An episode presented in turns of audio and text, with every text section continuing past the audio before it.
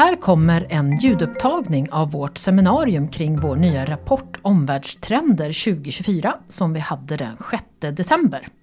I avsnittsinformationen finns angivet ungefärliga tidsstämplar för respektive talare om du vill snabbspola till det som just du är intresserad av. Där hittar du också länkar till rapporten som finns på vår webb. Nu över till vår moderator Magnus Westerlund vårt seminarium där vi presenterar årets omvärldsrapport. Jag heter Magnus Westerlund och jag är moderator. Till vardags är jag chefsekonom på Svensk Försäkring. Vi, eh, det är ungefär drygt 160 personer anmälda. Jag tror att de flesta har lyckats ta sig hit trots vinterkylan. Jag hoppas också att ni har fått eh, rapporten utskickad till ert mejl. Det ska ni ha fått. Om inte annat så kommer ni hitta den på vår hemsida. Sen så eh, vill jag också säga att ni får jättegärna ställa frågor på, och då loggar ni in på slido.com och sen lägger ni in den där koden och så kommer ni in. Och så sen kan ni också lajka varandras eh, frågor så då, de mest populära kommer upp och då kommer jag försöka ställa dem helt enkelt efter bästa förmåga till eh, de som pratar helt enkelt. Nu är det dags för Kristina Ledenius som är VD för Svensk Försäkring. Varsågod.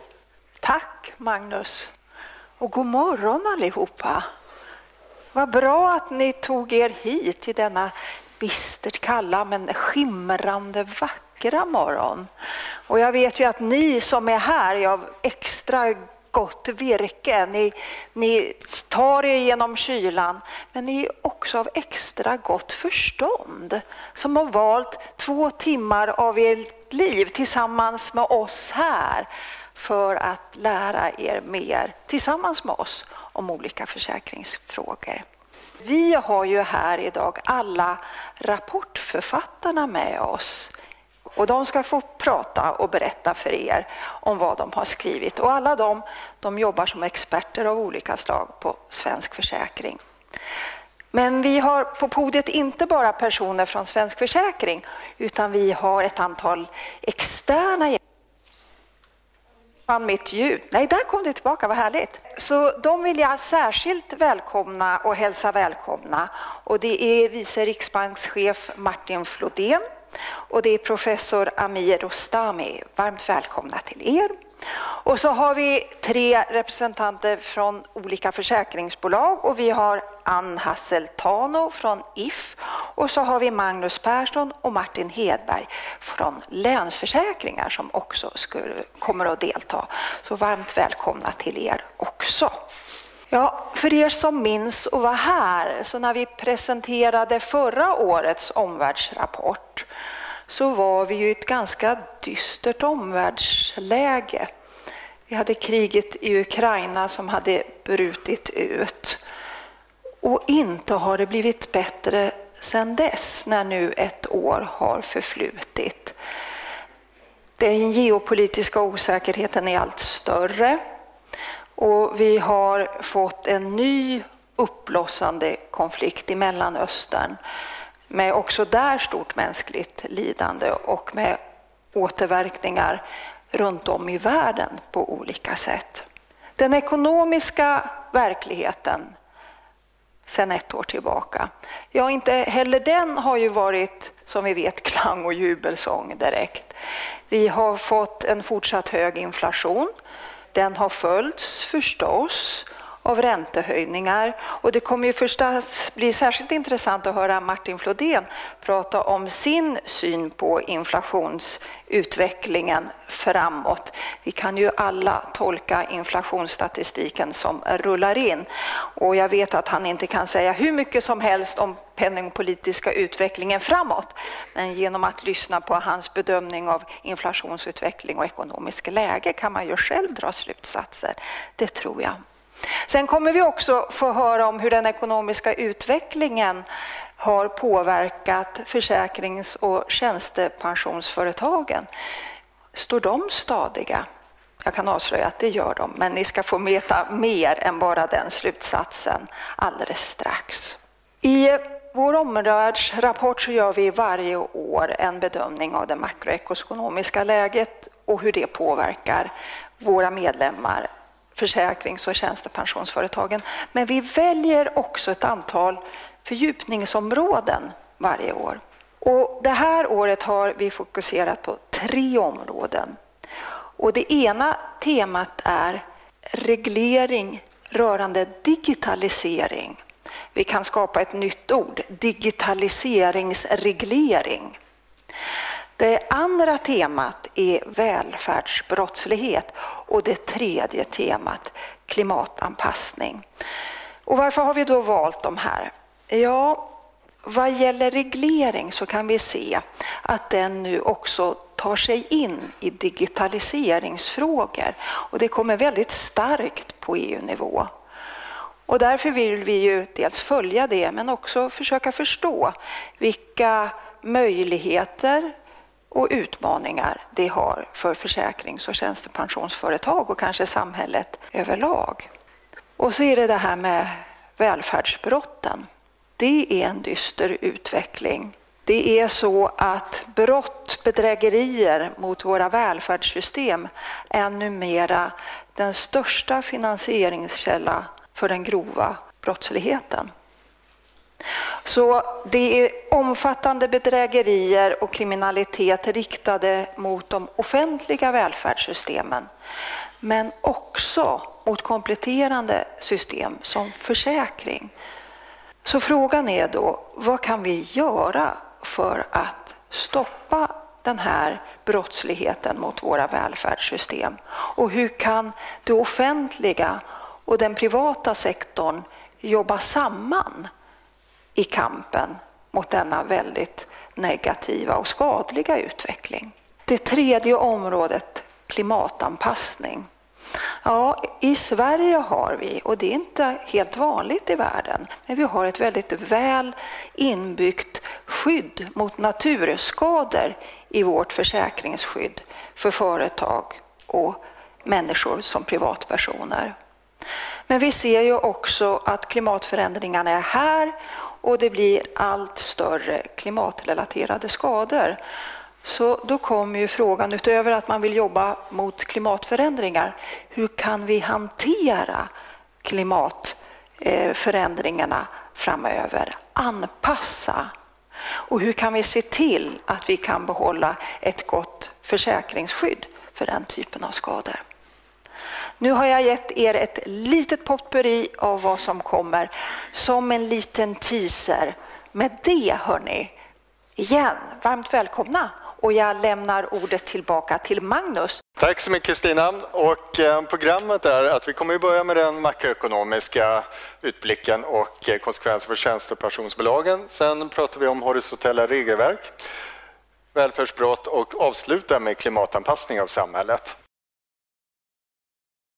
Nu är det dags för Martin Flodén, professor i nationalekonomi vid Stockholms universitet och vice riksbankschef sedan 2013. Varmt välkommen hit. Varsågod. Tack så mycket Magnus. Och eh, tanken är ju att jag eh, pratar lite kort inledningsvis om den ekonomiska utvecklingen och vad det här betyder för er. Det, det kommer Jonas tror jag att säga lite mer om och sen kan vi ha ett samtal efter det. Eh, och jag har, tror jag, 12 bilder eller något sånt som jag tänkte gå igenom ganska snabbt med utgångspunkt från vårt senaste eh, penningpolitiska beslut eh, som vi, ja, vi hade möte i Jönköping faktiskt för precis två veckor sedan. Och eh, då presenterade vi också en ny prognos för svensk ekonomi och, lite också bedömningar av vad som händer i omvärlden och kanske med lite reflektioner också kring vad som har hänt eh, efter det. Som ni vet så har eh, eh, räntorna höjts snabbt det senaste ett och ett halvt år, knappt två år.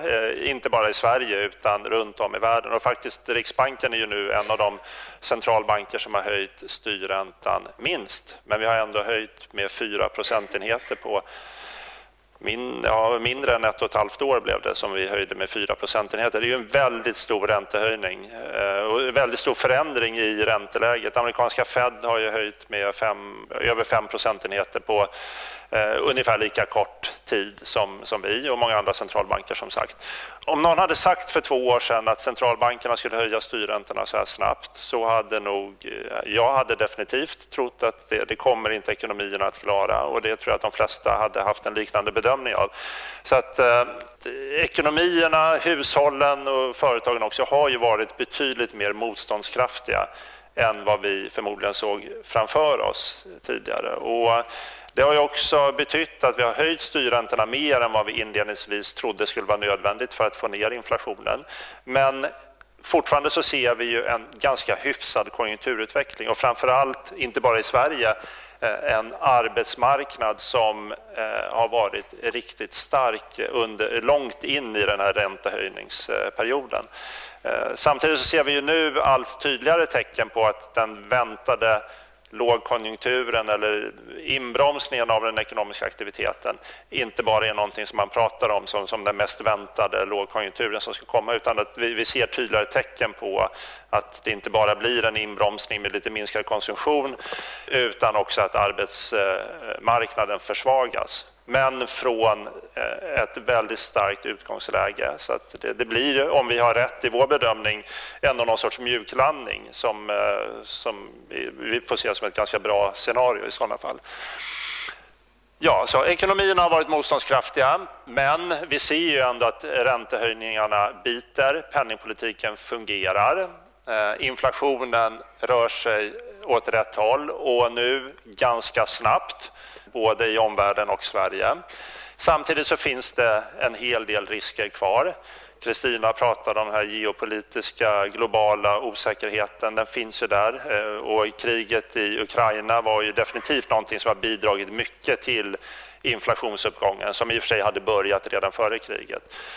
Eh, nu ser vi ju utvecklingen i Mellanöstern. Hittills så är ju det, alltså det, det blir enorma mänskliga konsekvenser förstås, men för den globala ekonomin än så länge har det satt väldigt lite spår och till exempel oljepriset rör sig fortfarande neråt. Eh, så att det här är ju mest en riskfaktor fortfarande om man ser på vad som ska hända med svensk ekonomi, men eh, definitivt någonting vi har med oss. Man ska också ha med sig, nu är det ju en väldigt positiv bild de senaste veckorna kring inflationsutvecklingen både i Sverige och omvärlden. Inför varje penningpolitiskt möte de senaste två åren så har inflationen fram till det mötet blivit högre än vad vi trodde på det föregående penningpolitiska mötet. Så det tycker jag man ska ha med sig när man går in med en, en, optimistisk bild nu om att ja, men nu går det ganska fort åt rätt håll. Vi har fortfarande hela tiden blivit överraskade över att inflationsuppgången är så stor och så envis. Så att det, det finns definitivt fortfarande risker på uppsidan. Och därför har vi ju fortfarande en bild av, nu höjde vi vid senaste penningpolitiska mötet inte styrräntan, den ligger kvar på 4% för att vi ser en, en ganska bra utveckling. Men vi är beredda att höja räntan igen om det behövs, om vi återigen blir negativt överraskade av inflationstrycket. Ja, ett sätt att se att eh, penningpolitiken fungerar är att titta på liksom första delen i transmissionen, har genomslaget. Hushållens räntor, både in och utlåningsräntor, har påverkats en hel del. Och framförallt om man tar nya lån så har ju räntorna både för hushåll och företag stigit en hel del. Ehm, jag tänkte gå igenom de här bilderna ganska snabbt, då, så att jag ska inte säga så mycket. Det röda är genomsnittsräntor i stocken, det ljusblå är räntor på ny, eh, nya lån och det mörkblå är inlåningsräntor. Kanske ett bättre sätt att titta på det här genomslaget är att titta till vänster då, där vi ser räntekvoten för hushåll. Alltså hur mycket av den disponibla inkomsten, hur många procent lägger man på, på boräntor? Ja, det har stigit från 2,5 procent till nästan 6 procent.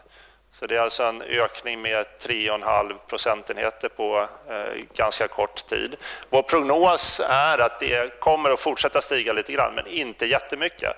Och här skiljer sig ju Sverige från många andra länder. Vi har ju rörliga räntor, både hushåll och företag har eh, framförallt rörliga räntor. Vi har mycket lån i privat sektor, både hushåll och företag. Så att vi har ju ett snabbt och stort genomslag från penningpolitiken. Så ser det inte ut i alla länder. Här har jag bara ett gäng europeiska länder, röda är euroområdets genomsnitt, men ser på Frankrike och Tyskland till exempel. Eh, de genomsnittliga räntor som hushåll betalar där har inte stigit särskilt mycket. Så att ligger ECB kvar med sin styrränta så kommer ju så småningom eh, eh, räntehöjningarna att bita allt mer i de länderna. I Sverige har vi redan sett mycket av genomslaget. Och det här gör ju också att svensk ekonomi redan har blivit mer påverkad än många andra ekonomier. Vi ser ju många bedömningar är ju att eh, svensk ekonomi bromsar in mer eh, i år än många andra länder och även nästa år så ser ju BNP-tillväxten i många prognoser svagare ut. Eh, och här är ett sätt att se det. Till, till vänster har vi BNP-index har fallit i, i, år och vår bedömning är att eh, BNP kommer att fortsätta falla lite grann. En, en del säger ju att liksom två efterföljande kvartal med negativ BNP, då är man tekniskt sett i en recession. Eh, och det kan man kanske säga då, men Samtidigt har vi ju haft och i princip fortfarande har vi rekordhög sysselsättning. Så att eh, arbetsmarknaden är fortfarande svag, även om det då rör sig neråt. Och som jag var inne på så ser vi framför oss en fortsatt försvagning här. Vi ser ju tecken på att arbetslösheten ja, den har stigit, men det kommer in mer varsel och, och så vidare. Vår prognos är ändå att eh, ja, även om det blir en tydlig försvagning så kommer arbetsmarknaden att vara ganska stark genom den här lågkonjunkturen. Och det här är ju viktigt för att förstå vad som händer i, i ekonomin. Eh, alltså, när man pratar om en recession och en tydlig konjunkturnedgång så handlar det ju ofta om hög arbetslöshet, många som har blivit av med jobbet, Eh, och, och få problem på det sättet. Så ser det inte riktigt ut i den här prognosen, utan här handlar det om någon sorts mjuklandning. Det betyder ju inte att det blir en mjuklandning för alla. Sverige går som sagt i år sämre än de flesta andra ekonomierna, men jag tycker man ska se det här i ljuset av eh, en lite längre tidsperiod. Sverige klarade sig bättre genom pandemin än många andra och återhämtade sig snabbare än många andra länder som ni ser till vänster. Då. Och, eh, I ett längre tidsperspektiv så går det ganska bra för svensk ekonomi. Och även när man ser på sysselsättningen då så, så ligger vi ju på höga nivåer. Det här är ju mer en strukturell, eh, ett strukturellt fenomen i svensk ekonomi att vi alltid har väldigt hög sysselsättningsgrad. Det jag tänkte säga då om, om eh, den här mjuklandningen så eh, det blir ju inte en mjuklandning för alla. Eh, vi påverkas olika. Har man stora bolån så eh, känns det ju förstås mer än för genomsnittshushållet när räntan stiger, om man har rörlig ränta.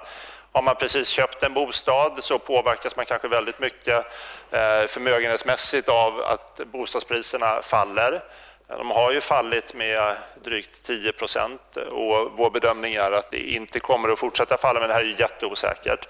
Men en eh, annan sektor då, kopplat till det här som påverkas väldigt dramatiskt det är ju bostadsbyggandet, bostadsinvesteringar. Eh, enligt Boverkets prognos så kommer antal nystartade bostäder eh, byggandet att falla från drygt 60 000 förra året till runt 20 000 nästa år. Det är en väldigt stor förändring förstås. Och det är det här framför allt som ligger bakom att BNP faller. Tittar vi på BNP i Sverige och exkluderar bostadsbyggandet så ser det ganska okej ut. Så det här är en sektor som då blir väldigt viktig för aggregerade siffran. Ja, jag tog med en graf också som visar vad som hände med, med bankernas eh, låne, in och utlåningsvolymer till hushåll till vänster och företag till, till höger. Jag vet inte exakt varför jag tog med det. Det pratas väldigt mycket om, eh, om den här utvecklingen. Och särskilt bankerna är ju jätteintresserade för att eh, inlåningen är billig. Eh, jämfört med marknadsfinansiering. Eh, inlåningsräntorna har ju inte stigit lika mycket som, som marknadsräntorna. Samtidigt då så ökar ju inte inlåningen, den växer inte på, på samma sätt som tidigare och det är också mer konkurrens. Hushållen börjar flytta eh, sparande till, till konton i andra banker med högre ränta och, och så vidare. Men eh, en sak som man ser ganska tydligt här är ju då att det är en dämpad aktivitet. Men, men det här det är ju inte någon sorts kreditkollaps som vi ser utan det här speglar ju bara att det är en långsammare eh, ekonomisk utveckling. Alltså när, när det inte investeras lika mycket behöver företagen inte låna lika mycket. Är det mindre aktivitet på bostadsmarknaden och fallande bostadspriser, då behöver man inte låna lika mycket för bolån och, och så vidare. Ja, och varför har då ekonomierna varit så motståndskraftiga? Eh, och det här är ju någonting som vi bedömde, både i Sverige och eh, omvärlden. Någonting som verkar vara viktigt här är ju hushållens sparande. Hushållen sparade väldigt mycket, det var ju huvudsakligen påtvingat egentligen under pandemin. Eh, och det ser man här, den mörkblå linjen, eller båda linjerna då, Eh, sparkvoter som ökade under pandemin. Tittar man på USA så var det en ännu tydligare utveckling inledningsvis. Att eh, hushållen fick väldigt mycket disponibel inkomst som man inte riktigt kunde göra av med. Eh, och förmodligen har man haft mer buffertar eh, när vi då kommer ut ur, pandemin. I kombination kanske med företag som är, inte gärna vill säga upp arbetskraft. Man pratar om Labour hoarding och man är, upplevde efter pandemin att det var svårt att få tillbaka arbetskraft som man hade gjort sig av med till exempel. Och det här har väl bidragit till motståndskraften i, i ekonomin. Det är ändå anmärkningsvärt tycker jag, om man tittar på sparkvoterna här för Sverige så ligger de fortfarande på ganska hög nivå. Så för aggregatet så ser det ju inte ut som att eh, hushållen ännu har liksom gjort av med sina likvida medel. Samtidigt, då, så, vilket vi alltid påpekar, vi har jättedålig data, vi ser aggregatet, vi ser inte hur sparandet är fördelat. Och vi trodde ju när vi började höja räntan att ja, men det här sparandet det är högt, det är förmodligen väldigt koncentrerat till ett fåtal hushåll, så det är inte så viktigt. Det ser ut att ha varit jämnare spritt i befolkningen än vad vi trodde, inledningsvis i varje fall. Ja, några avslutande ord om eh, inflationsutvecklingen. Inflationen rör sig som sagt ganska snabbt åt rätt håll. Den är högre i Sverige än i många andra länder. Den började stiga senare här och började också falla senare. Sen har vi haft en svag krona som gör att vi importerar en del inflation. Så trots då att vi har en penningpolitik som får större och snabbare genomslag så har det inte riktigt kunnat motverka de effekter som vi har fått via, via växelkursen skulle jag säga. Det här är 12 månaders takter, hur mycket priserna förändrats i oktober i år jämfört med oktober förra året. Och det här är för underliggande inflation. Tittar vi på inklusive energi, ja då steg inflationen ännu mer, den har kommit ner snabbare. Och framförallt så förväntar vi oss att den i december i år bli betydligt lägre än december förra året när vi hade jättehöga elpriser. Men, men, vi är mer intresserade av underliggande inflation. Men vi tittar också mycket på kortare tidsperioder och tittar man på hur priserna har förändrats de senaste månaderna så ser vi en ännu tydligare bild, snabbare inflationsnedgång och att Sverige dessutom de senaste månaderna har priserna ökat ungefär lika långsamt i Sverige som i omvärlden. Men fortfarande lite för snabbt för att vara förenligt med 2-procentsmålet. Så att det går bra, det ser ljusare ut nu än för några månader sedan. Men det är fortfarande en bit kvar. Och tecken på det är ju till exempel om vi frågar företagen om hur, hur de ser på prisförändringar framöver. Det här är från Konjunkturbarometern. Inte lika många företag som säger att de planerar att höja priserna mot konsument som i somras eller i våras. Men det är fortfarande fler företag än normalt som planerar att fortsätta höja konsumentpriserna. Och det är här penningpolitiken kommer in. Alltså vi måste se till att de inte kan göra det.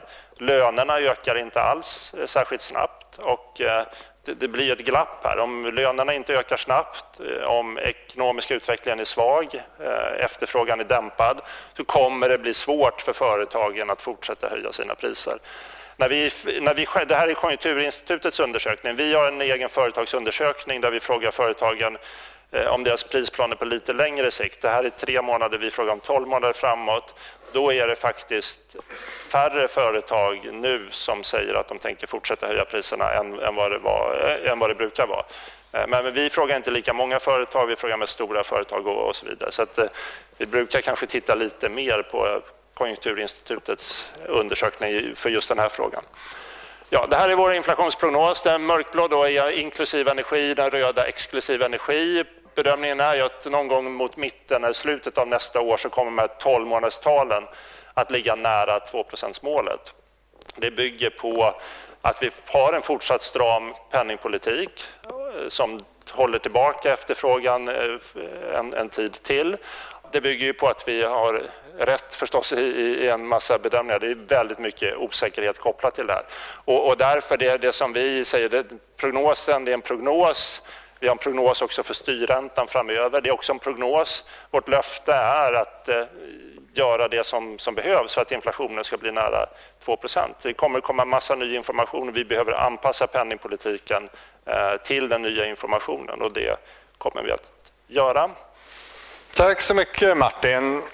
Eh, Jonas, nu får du berätta lite grann om vad, vilka konsekvenser vi har för försäkrings och tjänstepensionsföretagen vi ser ju samma ekonomiska bild så som Martin har redovisat för nu, så det finns inte så mycket mer att säga om det, utan jag tänkte koppla då till hur det här påverkar eh, försäkringsbranschen och göra det lite kortfattat eh, vad vi tar upp då i rapporten. Och en av de sakerna vi tittar närmare på är vad kan vi, hur kan vi se att det här påverkar skadeförsäkringsföretagen med tanke på att den höga inflationen förväntas leda till att skadekostnaderna går upp, eller kostnaderna för att ersätta skador.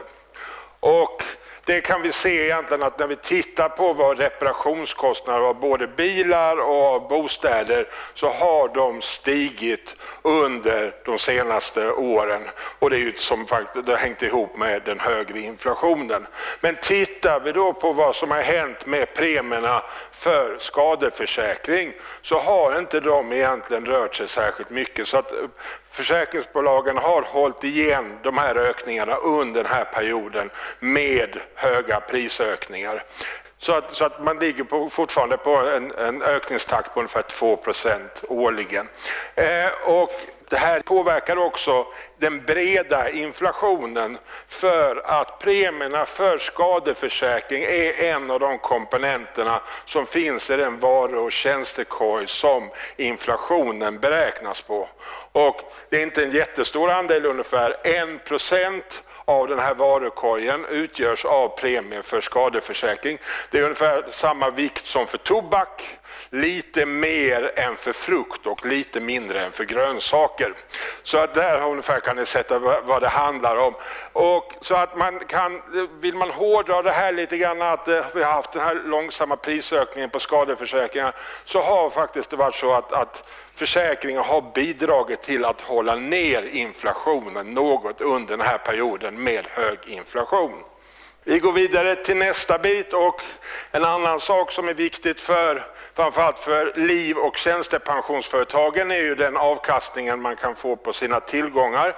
Det har ju varit ett någorlunda besvärligt ekonomiskt läge också just nu med en orolig aktiemarknad. Den har återhämtat sig något under året. Förra året var ju ganska bedrövligt, men i år har det gått något bättre. Dock inte lika bra för den svenska aktiemarknaden som många andra aktiemarknader.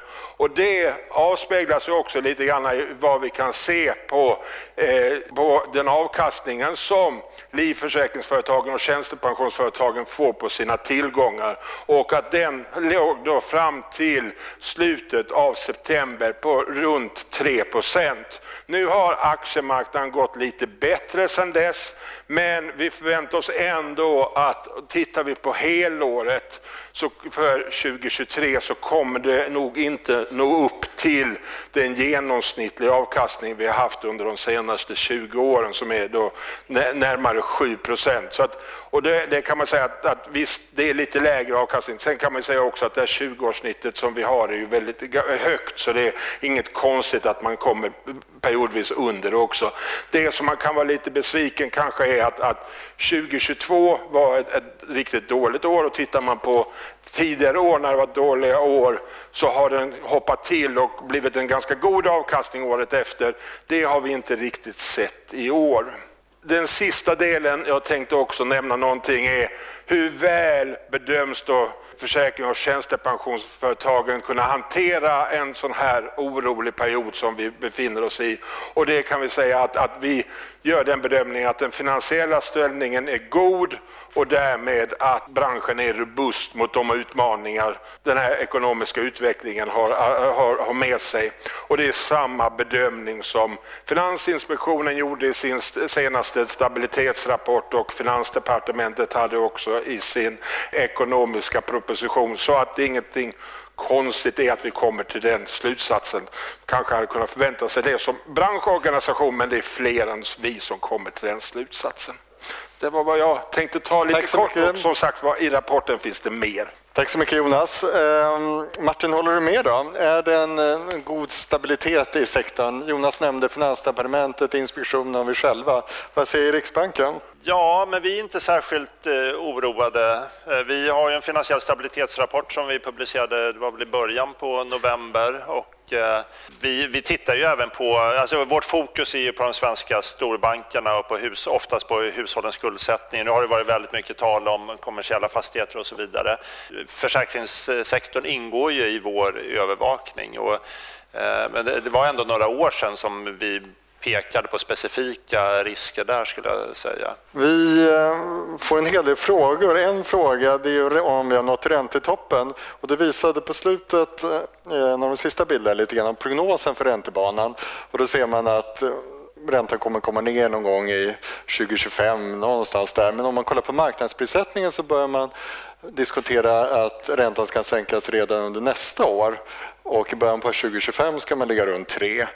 Har marknaden fel? Det är svårt att säga. Som sagt, det där är en prognos och eh, man ska ha med sig, tycker jag, att eh, det är ju ett väntevärde av, av många olika saker som kan hända. Och tittar vi på vad som kan hända i närtid så är ju vår bedömning att riskerna på uppsidan tyvärr fortfarande dominerar. Så att, eh, vi har ju nästa möte 30 januari, tror jag att det är. Det är Eh, betydligt mer sannolikt att vi skulle höja räntan på det mötet än att vi ska sänka räntan då. Det, det får man ju ta med sig. Men om vi då höjer, vad får det för konsekvenser för ränteprognosen eh, framöver och, och, och, så vidare. I vår senaste penningpolitiska rapport så har vi två olika alternativscenarier. Ett där utvecklingen då blir lite jobbigare med ett högre inflationstryck än vad som ligger i vår prognos. Då får vi höja räntan flera gånger under nästa år.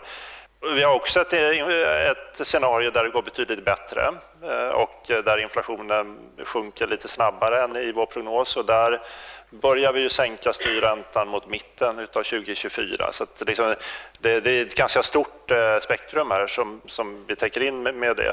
I vår, liksom, i vår prognos, då, den räntebanan tyder på att det skulle komma en räntesänkning någon gång mitten av 2025 kanske. Så det, och det är ju en ganska stor skillnad mot eh, marknads prissättningen, det håller jag med om.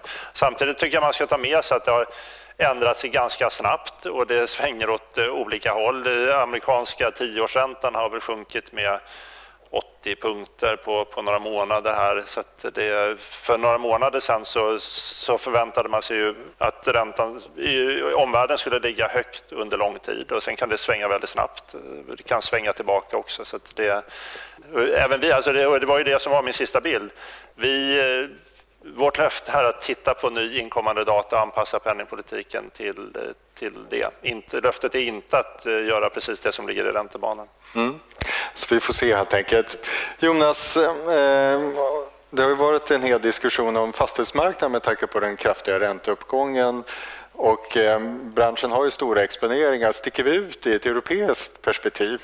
Vi tittar lite spe mer specie specifikt på det, den frågan i, i omvärldsrapporten i år och vi kan konstatera att storleksmässigt så sticker vi inte ut om vi tittar på hur mycket fastighetsexponeringar utgör av de totala tillgångarna. Då ligger vi ungefär runt 10 procent i, i, i, i svenska försäkrings och tjänstepensionsföretag och det är ungefär samma nivåer vi kan se bland de europeiska företagen.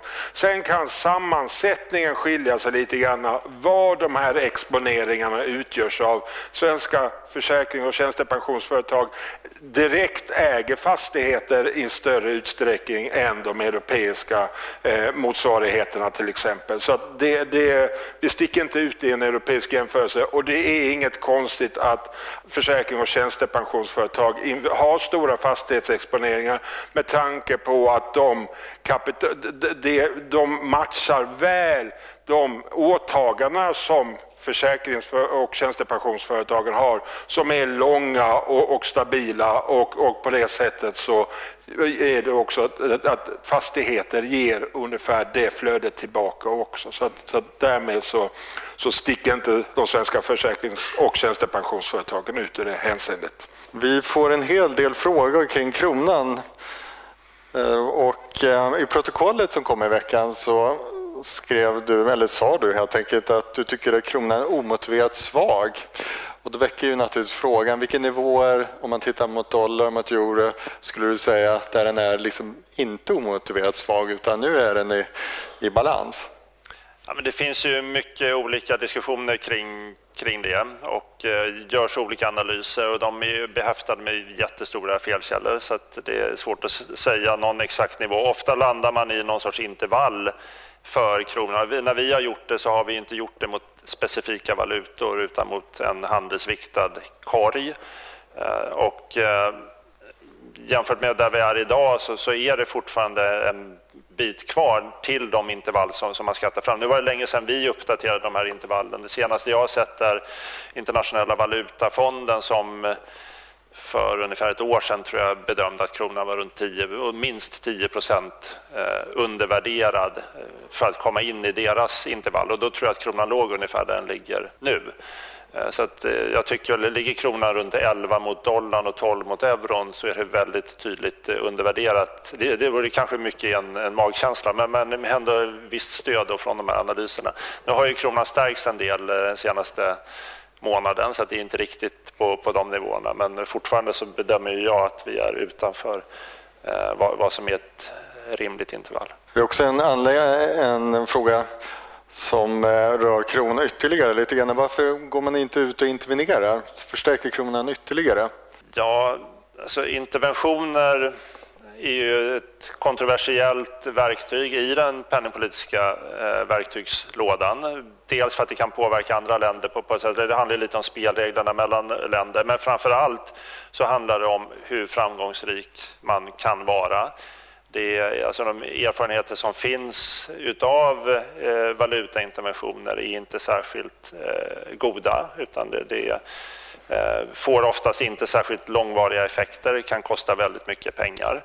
Eh, och det behövs, om man ska intervenera, då, eh, stora eh, valutareserver om man, om man vill stärka sin valuta Eh, som man då kan bli av med och göra stora ekonomiska förluster och, och, och, så vidare. Så det finns många skäl skulle jag säga, att inte göra det.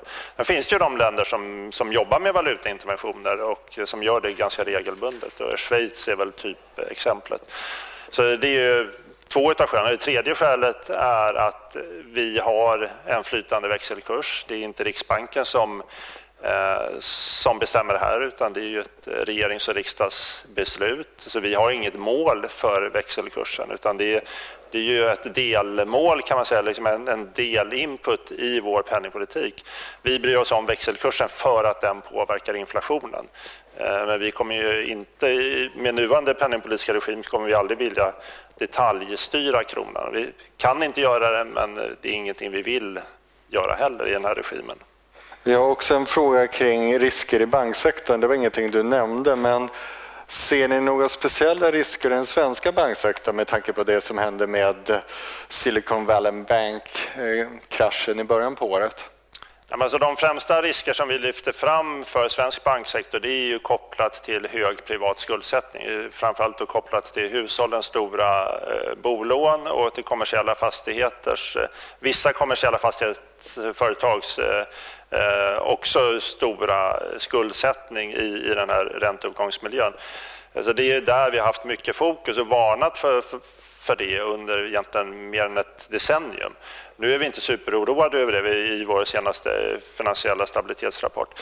Eh, sen när det gäller då erfarenheterna från i våras, Silicon Valley Bank och, och så vidare, så Eh, vi hade en fördjupning nu i senaste finansiella stabilitetsrapporten där vi tittade på en del eh, av de ingredienser så att säga, som, som låg bakom det som hände i USA i, i våras med framförallt inlåningen, hur den Eh, är fördelad i de svenska bankerna, hur mycket som är garanterad inlåning, hur mycket som kommer från olika aktörer och så vidare. Så vi har gjort en specialinsamling av data eh, så det är en väldigt intressant analys, men, men som inte leder till särskilt oroande resultat egentligen.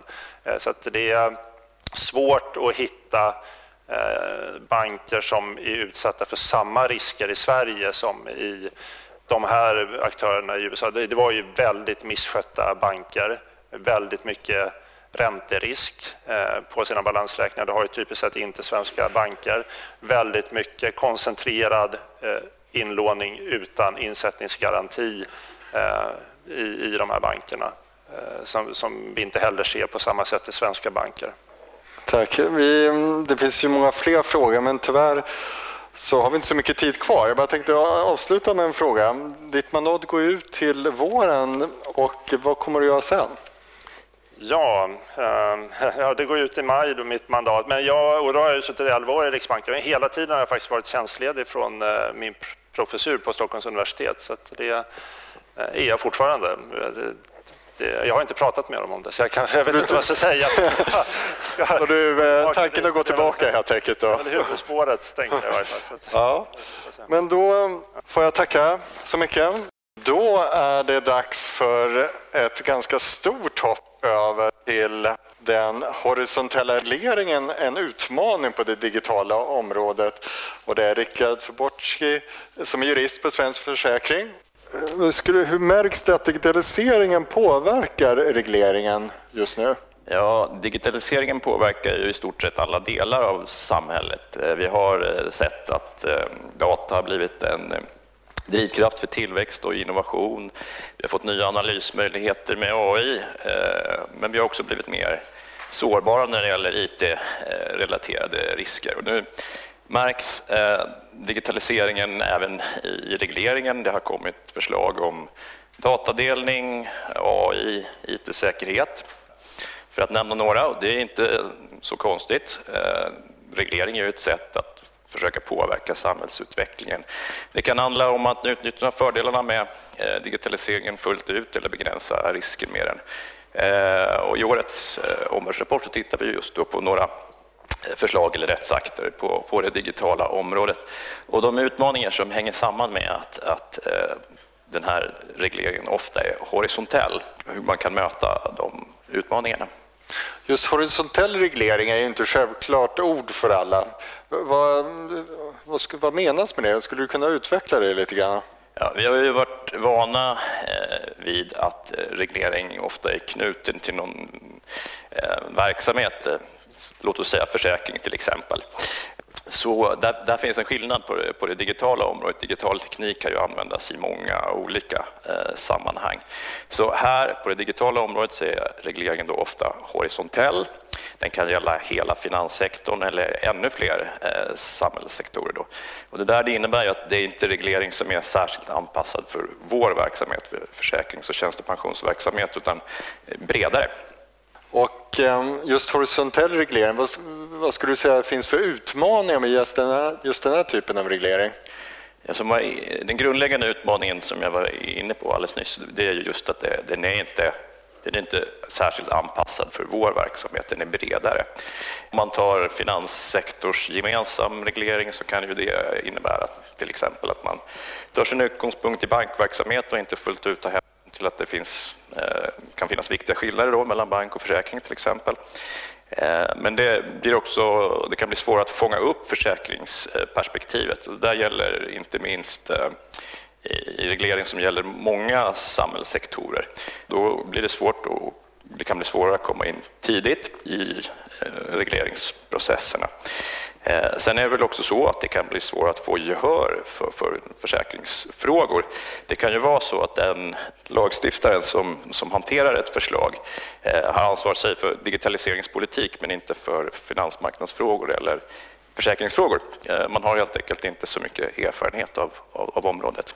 Nu har du pratat om en hel del med utmaningar, men digitalisering måste väl också innebära fördelar? Ja, det är klart att det finns eh, stora möjligheter med, med digitaliseringen för, för branschen. Det ger ju möjligheter att utveckla och förbättra verksamheten på många olika sätt, inte minst eh, när det gäller kundupplevelsen. Man brukar prata om i det här sammanhanget bättre möjligheter till jämförelse, mer individualiserade produkter och tjänster, eh, man kan lättare kanske få en samlad blick av sin ekonomiska situation. Det ger också bättre möjligheter till rådgivning. I det här ligger ju eh, inte för, bara fördelar för konsumenter men möjligheter för branschen. Då. genom att bättre förstå kunders behov och preferenser så kan man ju få bättre förutsättningar att få nöjda och, och trygga kunder. Du har nämnt att det kommer en hel del olika horisontella regler, bland annat om eh, datadelning. Kan du berätta lite mer om det? Mm. Det har ju kommit ett förslag som brukar kallas eller förkortas FIDA då, som handlar just om datadelning. Bakgrunden här är ju att eh, data har blivit en allt eh, viktigare resurs för tillväxt och innovation till exempel. Och ehm, ja, man kan säga att data har fått ett, ett värde. Och EU-kommissionen vill då se en gemensam marknad för data och det här är förslaget en del i den strävan. Då. FIDA är gemensamma regler för hela finanssektorn. Det innebär en skyldighet att dela data med andra för försäkrings och tjänstepensionsföretag. Det där, den skyldigheten att dela data det är någonting Eh, helt nytt på vårt område. Det har ju funnits på banksidan i begränsad omfattning men eh, nu, nu eh, så finns den då på, på, på vårt område. Det handlar om att dela kunddata, vissa kunddata ska jag säga. Då. Det här förslaget innehåller en hel del komplexa frågor. Det kan handla om vilka data ska delas. Det kan ju finnas data som är affärskänsliga. Det kan handla om hur kostnaderna för den här eh, delningen ska fördelas. Man måste bygga infrastruktur till exempel. Det finns flera frågor här då som, som kopplar till och ett annat exempel är att system måste kunna prata med varandra när man, när man delar data. Det finns praktiska aspekter också. Så det finns flera frågor här som Eh, komplexa men också eh, har att göra med eh, konkurrens och konkurrens på, på, på, lika villkor. Sen finns det ytterligare aspekter som integritet till exempel. Det kan vara personuppgifter som delas. Men också naturligtvis frågor om innovation, förutsättningar för att utveckla nya, nya produkter och tjänster. Mm. Jag har fått en fråga från publiken som rör just Fida. Är det samma sak som Open Insurance? ja, eh, Open Insurance är, är ju det man har pratat om under lång tid och man kan väl säga att det har mynnat ut i, i, i, i FID, alltså det är en del av den utvecklingen. Eh, det här med öppna finansiella tjänster, att man delar data och med, kan utveckla nya produkter och, och tjänster utifrån det. Tack. Och sen så en annan fråga, det rörde ett annat horisontellt regelverk och det var AI. Vad finns det för utmaningar med att reglera just AI? Ja, eh, det har kommit en, en rättsakt eh, på, på det här eh, området. Det finns flera utmaningar. En, en sån fråga är vad är det man ska reglera? Vad är AI? Vilka delar ska man reglera? En fråga när man har förhandlat den här rättsakten om AI har just varit definitionen av AI. Det kan ju finnas vissa skäl att eh, reglera till exempel maskininlärning men kanske som inte är lika viktiga om man pratar om statistiska eller logiska metoder. Eh, en annan sån där grundläggande fråga är när ska man reglera? Det här är ju då teknik som är i snabb utveckling. Eh, överblickar man risker framåt och kan man få till en lagstiftning som eh, håller jämna steg med den tekniska utvecklingen. Eh, och I det där sammanhanget så är det viktigt att man har bra eh, regleringsprocesser att falla tillbaka på så att man har ett gediget underlag då, som lagstiftare att utgå ifrån. Jag har fått ytterligare en fråga. Jag tror att du delvis har varit inne på det, men vad innebär digitalisering för konsumentskyddsreglerna? I, i omvärldsrapporten tittar vi mycket på eh, vad ska man säga, regler som digitala regelverk i nya frågor. AI, eh, datadelning till exempel, där det inte har funnits eh, reglering tidigare. Men det är klart att eh, digitaliseringen påverkar ju också befintlig reglering och konsumentskydd har vi ju en hel del sånt. Och med digitaliseringen så kan ju konsumentrisker förändras. De kan bli större, de kan bli mindre, de kan ta sig andra uttryck så det är naturligt att man fundera på hur man ska kunna behålla ett högt konsumentskydd. Och vi har ju en, på försäkringsområdet så syftar ju regleringen i stort sett alltid till ett högt konsumentskydd. Så vi har ju eh, en sån reglering eh, och det är naturligt att de frågorna kommer upp, eh, till exempel vid översyner. Tack så mycket Rickard. Då är det någonting som behandlar välfärdsbrotten som tyvärr är väldigt dagsaktuellt kan man ju lugnt säga. Och därför har vi valt att fokusera i årets rapport på just det ämnet. Och det är Eva Erlandsson och Ronja Wildenstam som kommer att berätta lite grann inledningsvis. Välkommen hit. Eva är senior ekonom hos oss och Ronja är jurist. Så varsågod. Jo, Sverige karaktäriseras ju, det liksom ligger i den svenska välfärdsstaten. Vi har omfattande välfärdssystem som finansieras via skatter och avgifter. Våra socialförsäkringssystem är över 100 år gamla idag. Det första som kom var pension, arbetsskadeförsäkring och sen pensionssystem. Och inom de offentliga välfärdssystemen så står socialförsäkring för de mest omfattande utbetalningarna. Och det handlar om ersättning vid inkomstbortfall om vi blir sjuka, arbetslösa, arbetsskadade. Men det finns också en mängd behovsprövade bidrag som hanteras av kommuner som, och även av staten som assistansersättning, eh, anställningsstöd och så även riktade bidrag som studiemedel som hanteras av CSN med mera. Privat försäkring kompletterar upp den här typen av ersättningar från de skattefinansierade välfärdssystemen. Och en stor del handlar om eh, de avtalsförsäkringar som omkring 90 procent av de sysselsatta omfattas av via ett medlemskap i ett fackförbund eller via sin anställning, det som hanteras inom kollektivavtalen. Vi tecknar även som privatpersoner försäkringar via vår gruppförsäkring, kanske via, via gruppförsäkringen som tillhandahålls av fackförbund. Och vi kan även vända oss såklart direkt till ett försäkringsbolag och teckna en kompletterande försäkring. Och vid sidan av de här försäkringarna som kopplar till inkomst så har de flesta en hemförsäkring. Vi kanske har en sjuk och olycksfallsförsäkring och så en motorfordonsförsäkring för det fall att vi har en bil. Och den här typen av sakförsäkringar är ju någonting som minskar vår risk som individer, den enskildes ekonomiska risk. Och det är också ett komplement till de offentliga välfärdssystemen. Välfärdsbrott. Något förenklat så handlar det om att man tillgodogör sig ersättning från det offentliga eller via privat försäkring på falska grunder. Och de här brotten har blivit allt mer omfattande under senare år och en mängd utredningar och vi ska ju få höra Amir senare. Det har fått också allt mer uppmärksamhet. Och det kan handla om att individer sjukskriver sig utan att vara sjuka eller att man eh, påstår sig vara ofrivilligt arbetslös utan att egentligen vara utan arbete eller kanske inte ens ha haft en anställning. Och det är alltifrån enkla upplägg som en enskild individ gör, kanske på impuls för att eh, tillfälle uppstår. Men de stora pengarna handlar om stora härvor där ofta företag används som ett sätt att till, tillskansa sig medel på falska grunder. Och när det handlar om företag så öppnas helt nya möjligheter till att begå välfärdsbrott. För genom ett företag kan det skrivas ut falska anställningsintyg.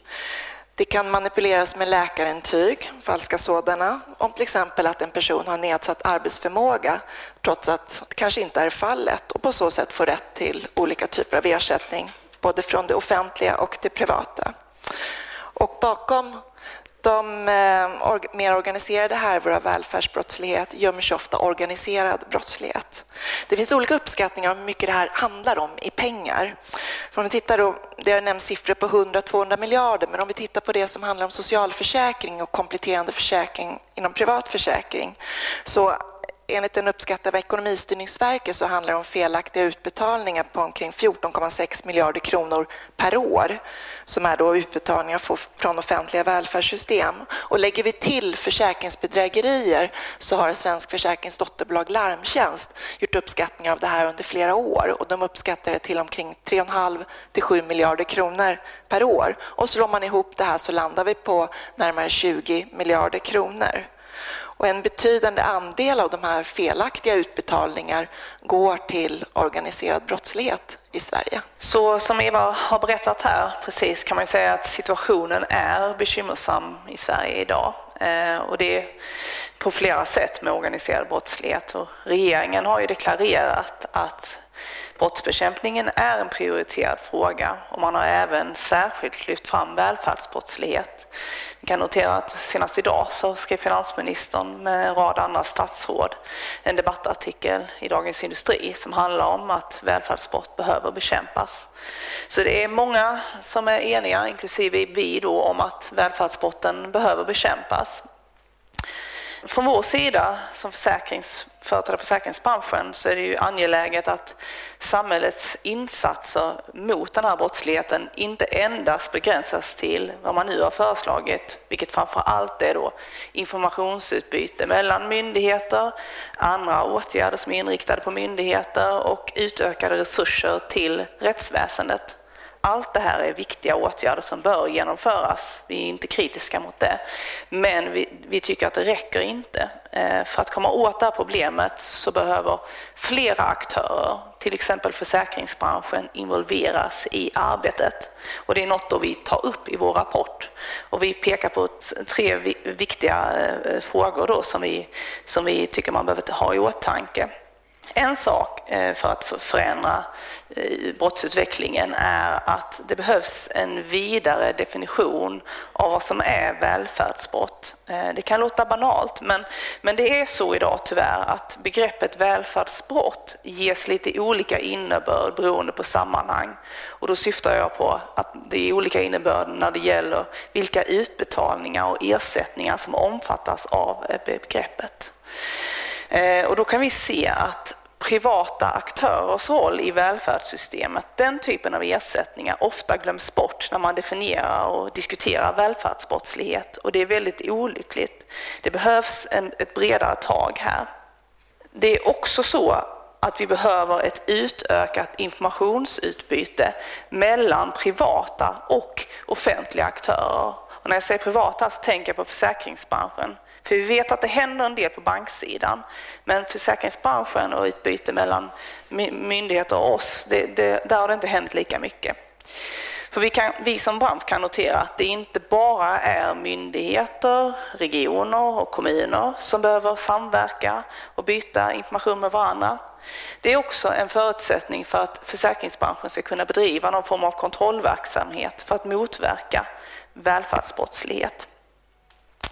Det är ju så att välfärdsbrottsligheten i sig, det, det, gäller ju mycket brottslighet, men särskilt välfärdsbrott är ett väldigt föränderligt område och de kriminella som utnyttjar våra system, de är väldigt duktiga på att hitta luckor i liksom brister i systemet, svaga punkter. Och om man täpper igen en sån lucka eller en brist så flyttar de snabbt sig till något annat område där man liksom inte har upptäckt att det finns svagheter. Och givet att utvecklingen är sån så är ju behovet av att utbyta information och att samverka särskilt stort när det gäller den här typen av brott. Och därför är det olyckligt att just informationsutbyte och samverkan idag begränsas av sekretessreglering och även dataskyddsreglering. Och det behöver, vi, det behöver förändras, för det är som vi har upptäckt och som ni på försäkringsföretagen väl känner till, svårt för en aktör att på egen hand, särskilt en privat aktör, upptäcka den här typen av brott. Och jag, man, man, vi har många exempel. Du nämnde ju några här innan om, eh, om man sjukskriver sig fast man kanske inte är sjuk. Så vi har ju många beröringspunkter framför allt med Försäkringskassan som vi vet har mycket information som vi som bransch är intresserade av men som de inte får dela med sig. Och jag vet, för vi har goda kontakter med Försäkringskassan, att de skulle gärna vilja dela med fler uppgifter.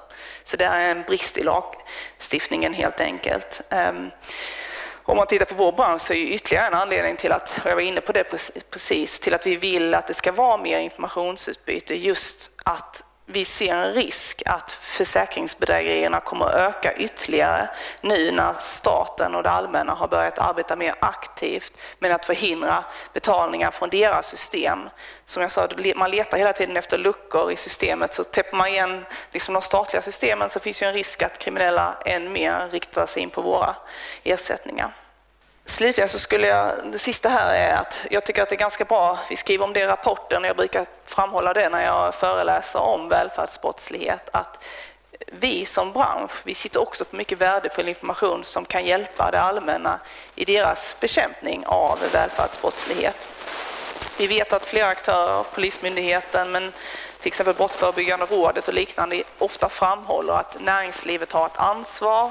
Vi måste ha större medvetenhet om att, vi har, eh, att det finns liksom en eh, ja, socialt och etiskt ansvar eh, att motverka den här typen av brottslighet. Särskilt eftersom vi vet att vinsterna från våra alltså försäkringsbedrägerier till exempel, det går till att finansiera annan typ av brottslighet. Så pengar från försäkringsbedrägerier används för att finansiera skjutningar och sprängningar och så vidare. Så vi har ett ansvar, eller vi behöver i alla fall ha en medvetenhet och vi har ett ansvar också att, att arbeta mot den här typen av brott.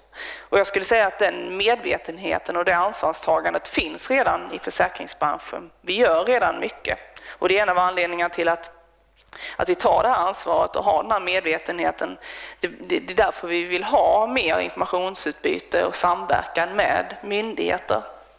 Vi har bland annat eh, Larmtjänst som är Svensk Försäkrings dotterbolag har ju tagit fram en rutin på eget initiativ som eh, går ut på att vi hjälper olika myndigheter att via Larmtjänst då ställa frågor till enskilda eh, försäkringsföretag på ett mer systematiskt sätt för att liksom lämna ut uppgifter till myndigheter. Det är något som vi gör för att vi, vi, vi vill förhindra att, att kriminella utnyttjar våra system. Men jag tycker det är viktigt att ha i åtanke att vi som bransch också har en viktig roll att fylla för att vända brottsutvecklingen. För ska man få bukt på det här problemet så behöver alla hjälpa till. Tack så mycket. Tack. Eva, om man plussade upp de där två beloppen som du visade alldeles nyss så är det ungefär 20 miljarder kronor. Det är ett ganska abstrakt belopp för de flesta av oss i alla fall. Skulle du, det, kan man relatera det här till något?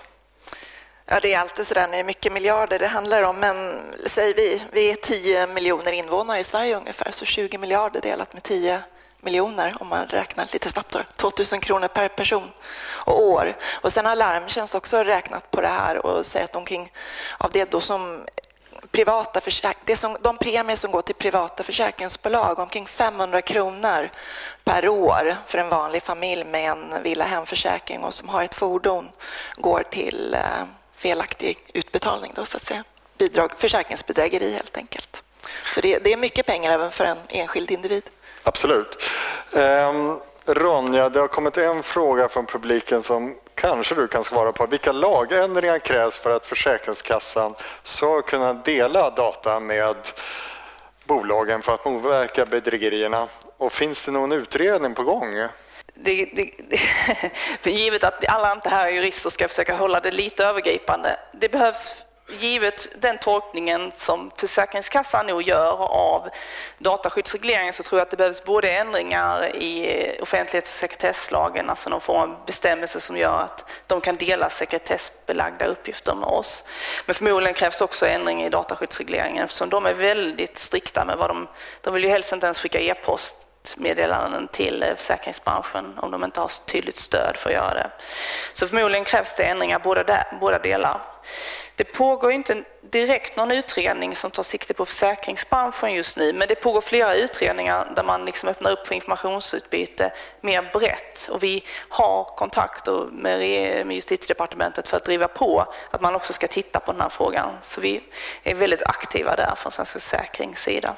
Tack så mycket. Och nu är det dags för Amir eh, Rostami, polis och professor Högskolan i Gävle. Välkommen Amir.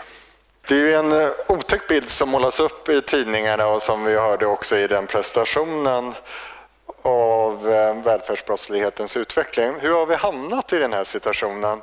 Varför begås det egentligen så många välfärdsbrott? Varför är det så lukrativt? Förenklat för att det är enkelt att begå välfärdsbrott. Vi har under lång tid haft alldeles för lite kontroll när det gäller utbetalning från den allmänna. Dels är det bristande kontroll, dels är det bristande upptäcktsrisk, det vill säga när man begår de här brotten så fångas man inte av myndigheterna, man lagförs inte.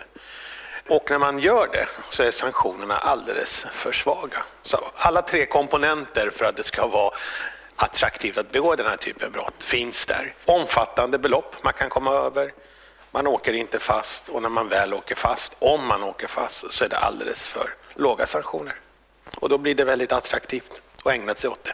Det är rationellt helt enkelt om man är Väldigt rationellt. Det är inte bara det här med bedrägerier mot staten som det här faller under, men även bedrägerier, klassiska bedrägerier är likadant där. Det är alldeles för enkelt att göra. Det är stora belopp och, och för låga sanktioner och, och då finns det ju kriminella element där. Det ska sägas att stor del av det här när det gäller brott mot välfärden, även om det är viktigt att nämna det, det, det stor del går till den organiserade brottsligheten, men stor del sker också av den eller utförs av enskilda medborgare, ostraffade personer.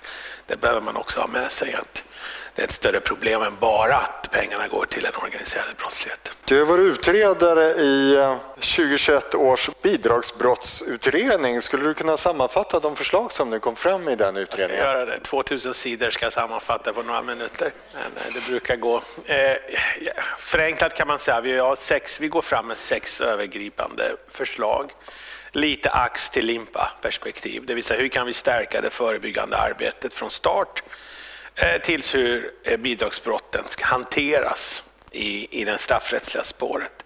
Och så, viktigt att nämna att eh, den utredning som jag ledde var avgränsad till just bidragsbrottslagen, det vill säga förmåner och stöd som betalas av utbetalande myndigheter som Eh, CSN, Migrationsverket, Arbetsförmedlingen, Försäkringskassan med mera som riktar sig mot enskilda. Och som ni var inne på, det, välfärdsbrott eh, eller välfärdsbrottslighet är ingen legal, har ingen legal definition. Och det kan skifta ganska mycket. Men, men bidragsbrottslagstiftningen är ju legal så att säga. Det är en lagstiftning och det är där jag eh, det var, min utredning var avgränsad till det och de här 14,6 miljarderna kommer från de förmåner som faller under bidragsbrottslagstiftningen. Eh, förenklat kan man säga, vi börjar från, om man börjar för det förebyggande arbetet så säger vi att eh, redan från start så behöver vi ett brottsförebyggande tänk. Alltså redan när man tar fram idéer om olika stöd och förmåner på departement med mera så behövs, man, behöver man ha ett, ett brottsförebyggande perspektiv. Hur kommer de här förmånerna att missbrukas? Exempelvis ta coronastödet. En gigantisk förmån, det ska gå ut snabbt, Eh, det ska vara enkelt att söka.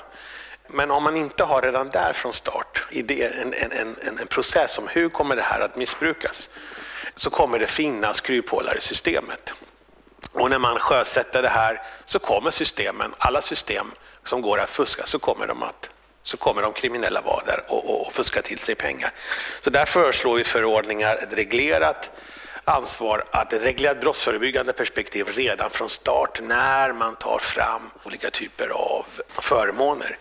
Eh, vi menar också att det här området har blivit, eh, det finns så många olika regler och det finns så många olika eh, initiativ på, ett, på det här området där man behöver också få ett helhetsperspektiv för att det börjar bli ett, ett, ett svårt lapptäcke så att säga.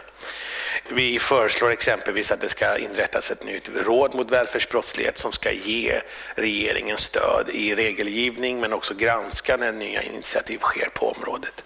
Det är ett av förslagen. Den andra, på den brottsförebyggande eh, delen ser vi också att vi behöver ett reglerat brott, alltså de utbetalande myndigheterna, de här som jag nämnde, Arbetsförmedlingen, Försäkringskassan, Pensionsmyndigheten med mera de behöver få ett reglerat brottsförebyggande ansvar, så som kommunerna har. Eh, för vi märker att även om myndigheten har tagit stora kliv, eh, när man eh, behöver prioritera om saker och ting så brukar det brottsförebyggande arbetet nedprioriteras. Så därför behöver vi ett tvingande reglerat ansvar. Och vi menar att man måste i det här, om man reglerar ett brottsförebyggande ansvar, det, det brottsförebyggande arbetet är något annat än bara motverka felaktiga utbetalningar. Utan den är teorigrundad, man behöver ta fram ordentliga lägesbilder, man behöver ha uppföljningar med mera. Så för att stärka det brottsförebyggande eh, delen så behövs det reglerade brottsförebyggande ansvar från så tidigt som möjligt så att säga. Informationsdelen, eh, utbytet har ju eh, lyfts även i er rapport men också av myndigheterna att man behöver fler uppgifter. Och där går vi också med ett eh, förslag att Försäkringskassan och Pensionsmyndigheten ska kunna inhämta mer uppgifter om den försäkrade men också en annan än den försäkrade också av juridiska personer. Det är någonting som Försäkringskassan har efterfrågat väldigt länge.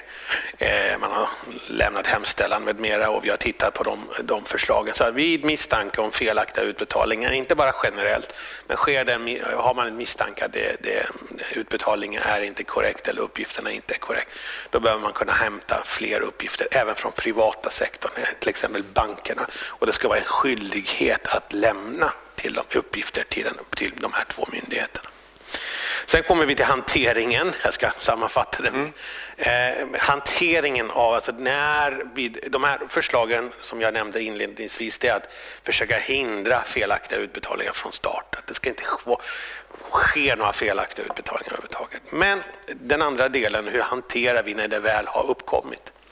Fel om det jag har gjort felaktiga eh, utbetalningar, att man har upptäckt det. Det första är att vi menar att hanteringen av bidragsbrott idag är inte eh, tillräckligt bra. Alltså modellen idag är att myndigheterna anmäler till Polismyndigheten, Polismyndigheten utreder, Åklagarmyndigheten åtalar. Problematiken är att ni nämnde 14,6 som bygger på Ekonomistyrningsverkets uppgifter. 56 procent av de beloppen bedömer Ekonomistyrningsverket är avsiktligt orsakade av den sökande. Alltså potentiella, det är misstänkta bidragsbrott egentligen. Endast 10 procent av det beloppet anmäls. 40 procent av det anmäls klaras upp. Av de som lagförs är det 1,5 procent som avser grova bidragsbrott.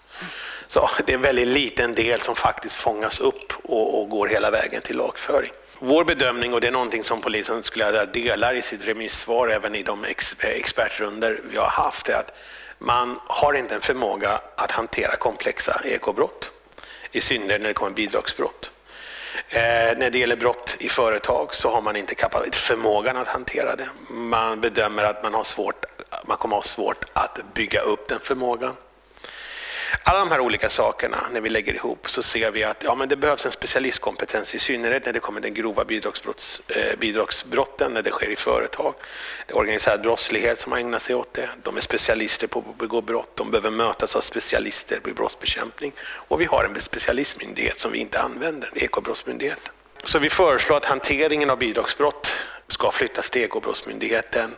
De ska få utökade mandat och resurser för att hantera den typen av brott. Det har ju varit olika förslag på det här området eh, och det kanske kommer även nya utredningar, vem vet.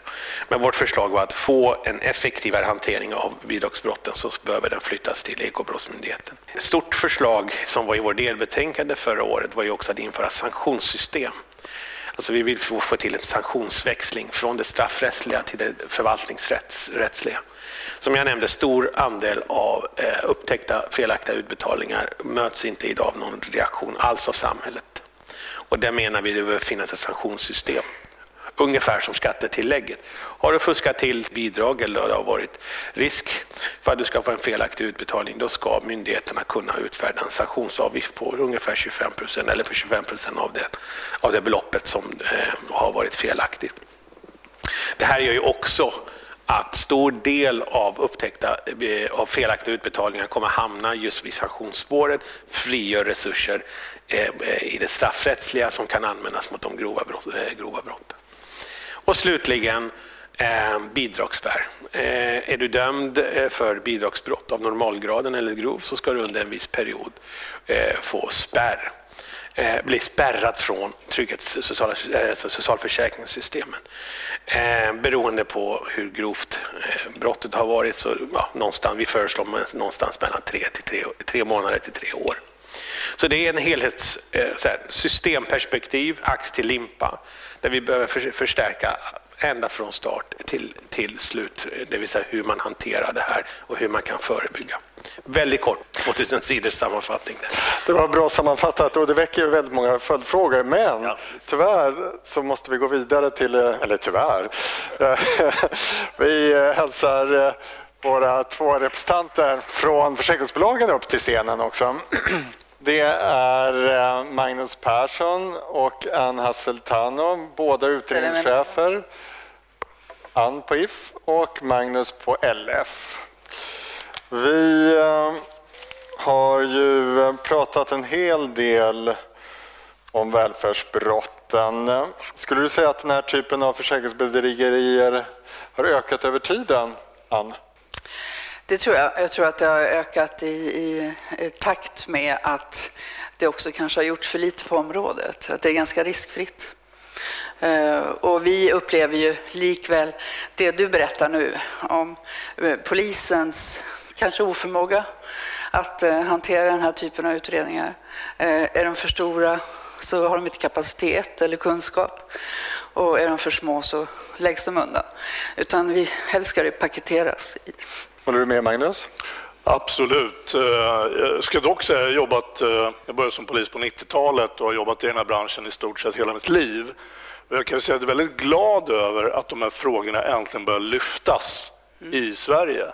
Och det tycker jag är ett, ett, eh, Jag läser om det här dagligen eh, i alla sociala medier, i tidningar och eh, till exempel det här eh, på SVT senast med Ekonomibyrån. Man tar och tittar på de här frågorna och det betyder någonting faktiskt. Jag, jag, är också oerhört glad att de här frågorna lyfts. Och vi har ju under lång tid, jag har jobbat med försäkringsbedrägerier sedan ja, 90-talet och har ju, vi har ju hela tiden försökt att få till ett arbete runt just de här frågorna. Och vi ska ju se också att eh, försäkring, privat försäkring är en förlängning utav socialförsäkringen eh, där vi jackar i. Eh, och i dagsläget nu så kan vi lämna information men eh, vi kan inte erhålla någon information. Vilket gör också att vi vet inte vilka risker som det är som vi ska hantera. Och eh, jag tror vi alla är lite nyfikna om hur arbetar ni för att upptäcka den här typen av bedrägerier och förhindra? Ann? Eh, där måste ju, vi har ju också ett ansvar att, att, systematiskt också titta och se till vad det är för någonting vi betalar och hålla koll på dem. Och det gör vi systematiskt. Vi har ju också utmaningar nu. Vi kommer att prata, eh, när vi pratar digitalisering, vi pratar AI, vi pratar eh, den typen av frågor. Eh, så det är oerhört viktigt att också man jobbar med de digitaliseringarna även då när det gäller upptäckten av bedrägerier för att riskbalansera. Så att det, det görs väldigt mycket arbete. Men vi är fortfarande i avsaknad av väldigt mycket information som vi skulle behöva för att göra det arbetet effektivt.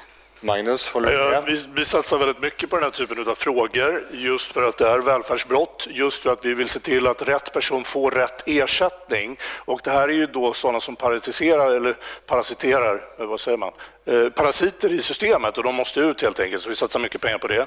Vi tittar ju på Modus, vi samverkar, larmtjänst till exempel, vi jobbar med hur eh, samverka med andra myndigheter i det vi kan. Men vi vill ju verkligen börja dela mer krispig information för att underlätta. Och det, det är verkligen det som, som Ronja och den här rapporten tar, tar sikte på också tycker jag, att vi sitter ju med mycket kunskap. Nyttja oss, det har jag sagt hela tiden, även under min tid som polis samhället och företag, näringsliv måste börja samverka. Så är det bara. Jag vill bara flagga också för, för, en oro som jag har i det här och det är just den här organiserade brottsligheten i form av företag och annat mm. som vi ser en ökning av eh, där man på ett systematiskt sätt utnyttjar eh, dels eh, socialförsäkringarna men självklart också de privata försäkringarna. Så det är läge nu att göra någonting. Vi har fått Amir en fråga från eh, publiken. Att du nämnde inte Utbetalningsmyndigheten. Du kanske inte hann det mm, eh, utifrån de här tusen sidorna. Hur mycket tror du att den kan hjälpa till med brottsbekämpningen? Jag nämnde inte den för det var inte mitt förslag utan det kom tidigare. Men eh, jag tror att den är nödvändig. Jag tycker att den kommer stärka vår förmåga. Det är väldigt unikt en unik modell i ett svensk kontext skulle jag säga. att man eh, det är verkligen stora kliv framåt där man slår ihop olika eh, system och får ett tydligt överblick. Jag menar, kan man motverka 10 procent så är det ju 1,5 miljarder bara där. Den tror jag starkt på, men jag tror också att det inte är den enda lösningen. Eh, det kommer behövas fler åtgärder på bred front för att lösa det här. Utbetalningsmyndigheten nödvändigt, kommer göra skillnad, men behöver kompletteras med en rad olika åtgärder, bland annat de förslagen som jag har lämnat. Och om man skulle genomföra de här förslagen, ungefär hur mycket tror du man kommer att kunna spara för staten? Är det de där 14,6 eller mer eller mindre eller vad? Alltså 14,6 är utifrån vad Ekonomistyrningsverket säger egentligen en underskattning.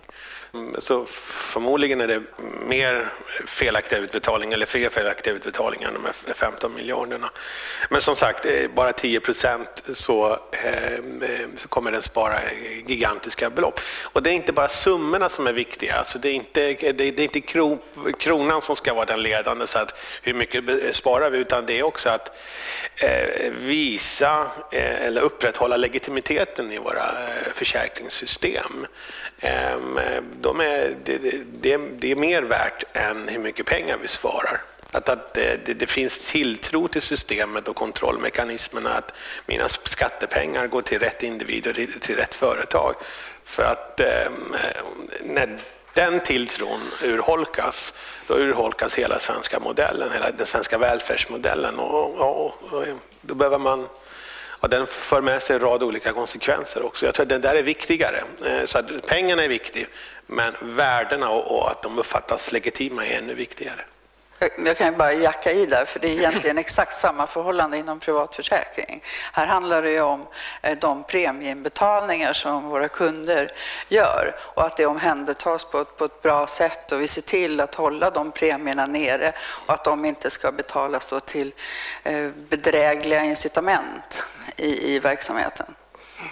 Magnus, vill du lägga till någonting där eller? Jag tycker att vi, vi, vi sjunger just nu. Det, det här är det vi har sagt hela tiden. Och, och det Amir säger, det, det Ann säger, det den här rapporten säger. Jag tycker det är väldigt bra konklusioner det här. Vi behöver ta krafttag mot det här. Jag märker att det börjar hända någonting. Eh, dela information. Att börja våga dela information. Ska jag säga. Mm. Och jag tror att, att mycket handlar om enskilda fall. Det handlar inte om att vi ska samköra våra dataregister. Nej. Utan det det handlar om det är att pinpointa de individer som också berikar sig i ganska stor omfattning. Och när vi tittar på den här typen av försäkringar som de här individerna eh, vet, utnyttjar så är det stora belopp oftast förknippat i dem. Vi ser ju att en annan typ av brottslighet som rån och annat övergår ju till också då bedrägerier på grund utav att, precis som du nämnde, att eh, straffsatserna är så pass låga. Du riskerar väldigt lite och riskerar egentligen inte att åka fast Eh, och om man, dessutom, om man då drar det i förlängningen, att vi inte heller har en polismyndighet som klarar av att agera och hantera det här. Och det här har ju vi också efterlyst. Vi måste ha en polisverksamhet som är utbildad i området tillsammans med också på åklagare som kan hantera de här för att vi ska komma någonstans. Alltså jag bara lägger till de polisanmälda bedrägerierna, alltså klassiska bedrägerier brottsvinsterna för det eh, var ju 2021 5,8 miljarder per år. Mm. Mm. mm. Eh, och förmodligen kommer det öka 2022. Mm. Så det är omfattande belopp ja. och väldigt enkla att genomföra. Enkla att genomföra och alldeles för liten risk. Alltså, de gör ju sin riskanalys helt enkelt. Vad får jag för pengar? Hur mycket kan det här ge? Vad riskerar jag i andra änden? Och vi har varit lite för naiva i Sverige upplever jag under ganska många år. Återigen, jag är glad att äntligen börja diskutera de här frågorna på rätt nivå. Jag kan ju tänka också att vi har en del straffsatser eh, faktiskt att utnyttja, men det görs inte. Eh, I princip samtliga normalbedrägerier som vi uppdagar eh, är förenade med eh, villkorlig dom och böter. Mm. Och, och sen möts vi ofta, väldigt ofta av att man har inte tid, polisen inte har tid att utreda för man har grövre brottslighet. Det man, jag tycker man glömmer det är att det här gör ju att den grövre brottsligheten kan fortsätta att finnas. Så man måste på något sätt titta på det här på ett annat sätt och jag överlämnar den frågan till dig Amir. Nej, jag håller med dig. Vi har ju sagt alltså för, för, för den organiserade brottsligheten spelar inte var pengarna kommer ifrån. Den, den ökar ju deras handlingsutrymme. Den ger ju deras förmåga att eh, investera, återinvestera i brott, eh, få ner narkotikapriser eller investera i, i våldsbrott eh, med mera. Med mera. Så, eh, alla intäkter eh, ger ju dem större handlingsutrymme och, och när vi tittar på den kriminella ekonomin så att säga och ser var pengarna kommer så eh, hur stor beloppen är så ser vi exempelvis att det man har fokuserat på under lång tid som narkotikan, den är, den är inte den största inkomstkällan. Vi nämnde bedrägerierna, klassiska bedrägerier 5,8 kan jämföras med narkotikan på drygt 2 miljarder kronor. Så att, eh... Stort tack till alla tre, jätteintressant. Och då hoppar vi över till vår punkt rörande klimatanpassning. Och vi kommer att börja med att Per pratar lite grann om avsnittet. Sen kommer Martin Hedberg hålla lite presentation och sen avslutar vi med en liten paneldiskussion. Ja, tack så mycket. Ja, då ska vi alltså avslutningsvis idag prata om klimatanpassning. Och med det så menar vi alltså de åtgärder som vi behöver genomföra för att förbereda och anpassa samhället för ett förändrat klimat. Vi vet ju att eh, de utsläpp vi redan har av växthusgaser redan nu innebär ett förändrat klimat. Och vi vet också att det kommer innebära att vi får fler och mer extrema väderhändelser i framtiden. Vi i försäkringsbranschen vi ser ju konsekvenserna av de här händelserna i form av de skador som uppstår på fastigheter och egendom. Eh, och som Kristina inledningsvis sa här så har vi ju ett väldigt bra skydd mot naturskador i vårt försäkringsutbud i Sverige idag. Det här ingår ju i alla försäkringar för individer och organisationer. Men så är det faktiskt inte i andra länder utan där är det mer vanligt att man får teckna dyra tilläggsförsäkringar för att få ett lika bra försäkringsskydd. Och eh, vi vill alltså slå vakt om det här goda skyddet vi har idag som innebär att många är försäkrade till en låg kostnad. Samtidigt är det ju grundläggande, det vet vi att vi kan bara försäkra det som är plötsliga och oförutsedda händelser. Om vi till exempel vet att en fastighet i framtiden kommer drabbas av mer frekventa översvämningsskador, då till följd av ett förändrat väder, då är det inte så säkert att vi kan fortsätta att försäkra som vi gör idag, om vi då inte vidtar åtgärder i god tid. Och det är av den anledningen vi då vill uppmärksamma behovet av en mer effektiv klimatanpassning av vårt samhälle. I det kortare perspektivet så kommer vi få vara med om mer extrema nederbördsmängder varvat av perioder av torka. Och vi vet inte från tid till annan vilka delar av vårt land som drabbas. Jag tror att de flesta av oss kommer ihåg sommaren 2021, de skyfall som eh, drabbade Gävletrakten då. På bara något dygn så följde 160 millimeter regn och det ledde till försäkringsskador på ungefär 1,6 miljarder. Och så sent som i somras hade vi ett oväder som snurrade över Sverige, ovädret Hans, eh, och det ledde till mycket översvämningsskador runt om i vårt land.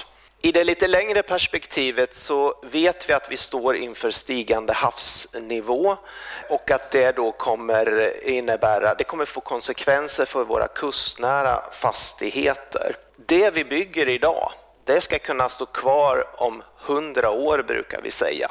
Men det är inte en hänsyn som vi faktiskt ser att man tar idag när man bygger nytt. Så vad behöver vi då egentligen göra? Jo, vi har en klimatanpassningsstrategi i Sverige och den håller just nu på att revideras. Vi ser ett behov av att den kompletteras med riktlinjer, med konkreta handlingsplaner, med ett tydligt ansvar för både genomförande och uppföljning. Vi ser också att kommunerna behöver ges bättre förutsättningar att finansiera klimatanpassningsåtgärder och att de också bättre ska kunna samordna åtgärder med de enskilda fastighetsägarna. Vi utvecklar det här närmare i rapporten och ger förslag på fler åtgärder där. Det viktigaste är i alla fall att vi inte väntar med de här åtgärderna tills effekterna av det förändrade klimatet blir mer uppenbara utan att vi ökar tempot i den här anpassningen redan nu. Och med det sagt så ska vi få veta mer om vad det förändrade vädret kommer medföra. Så du får introducera vår nästa externa gäst, Magnus. Tack så mycket Per. Varmt välkommen Martin Hedberg från Tackar. LF. Trevligt att vara här allihopa. Jag har suttit och laddat för att få prata om klimat och klimatförändringar. Jag heter Martin Hedberg, jag är naturskadespecialist och meteorolog på Länsförsäkringar. Och eh, jag ska ge en liten eh, bild av den situationen som vi eh, står inför. Det här är Batakaika-kratern. Det är permafrost som tinar i Sibirien. Den har varit frusen i 125 000 år, alltså sedan före senaste istiden. Men nu tinar den här och det är till följd av klimatförändringarna som vi ser runt omkring oss. Konkret exempel på vad som händer. Om jag skulle prata om Mona Lisa så skulle jag kunna visa den här bilden och ni skulle se att det var Mona Lisa, eller hur? Jag tänkte jag skulle börja med en fråga men det är så uppenbart, eller hur? Men det är inte Mona Lisa här, det här är bara en modell av Mona Lisa. Som Mona Lisa. Och det här är också faktiskt bara en modell av Mona Lisa, eller hur? Det är inte ens den riktiga tavlan. Och den riktiga tavlan i sin tur är en modell av den verkliga Mona Lisa. Och vad vill jag säga med det då? Jo, att vi använder modeller, men som eh, George Box konstaterade, att all models are wrong, but some are useful. Så i synnerhet i eh, ekonomiska termer så pratar man jättemycket om modeller om hur världen är sammanbyggd och så vidare. Och inom naturvetenskapen så har vi också, jag vill säga betydligt mer komplexa modeller som väger samman hur naturen fungerar och klimatmodellerna är något av de här absolut mest avancerade modellerna som finns. Och några som kunde det här med modeller, det var oljebolagen redan på 80-talet som förstod om vad som skulle hända när man förbrände kol, eller kol, olja, kol, naturgas. Eh, det här är ett internt memo från Exxon eh, som de skrev 1982. Zoomar man in i nerkanten här så har vi årtal här på sedan 1960, 80, 00, 2020. Vi har halten koldioxid på den här sidan och temperaturförändringar på den här sidan. Och den här grafen ska läsas av åt höger och den här åt vänster. Så då gjorde de 1982 på Exxon en prognos över framtiden, hur den skulle utveckla sig. Och då hade de ju data fram till 1981. De visste halten koldioxid i luften och så deras prognos över hur den skulle utveckla sig framåt, till exempel fram till 2022. Eh, och sen visste de temperaturen i luften och prognosen på hur den skulle utveckla sig 40 år framåt i tiden. Och nu vet vi ju vad som hände. Så då har jag roat mig att lägga på det där. Och då måste man väl ändå säga att det var, var hyfsat nära faktiskt. Så en 40-årig prognos över halten koldioxid i luften från ett oljebolag och så, så motsvarande förändring av temperaturen. Det är ganska godkänt i sammanhanget. Och inte bara det, utan även konsekvenserna av det här. När de konstaterar catastrophic events that must be considered, devastating sea level rise och så vidare. Och inte bara Exxon utan även Shell hade liksom samma slutsatser. De har haft björnkoll på det här i 40 år. Och när man har all den kunskapen, vad gör man då? Inte mycket, och inte bara inte mycket, man letar rätt och så sopar man det här under mattan så gott det går i sammanhanget. Men de hade faktiskt väldigt bra koll på situationen.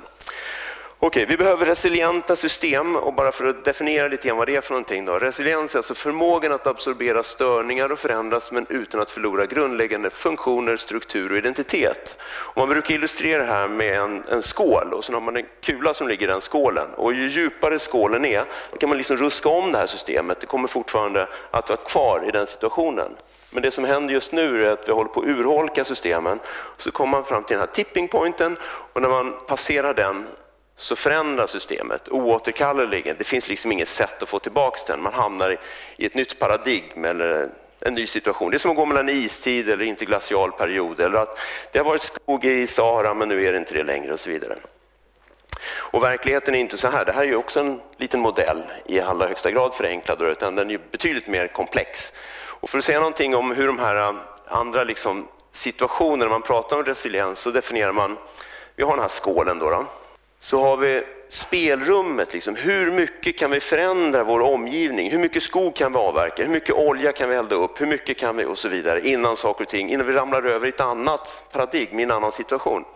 Så vi har definierat spelrum, vi definierar motståndet, resistansen, hur djup är den här skålen? Och också hur nära kanten är vi, labiliteten.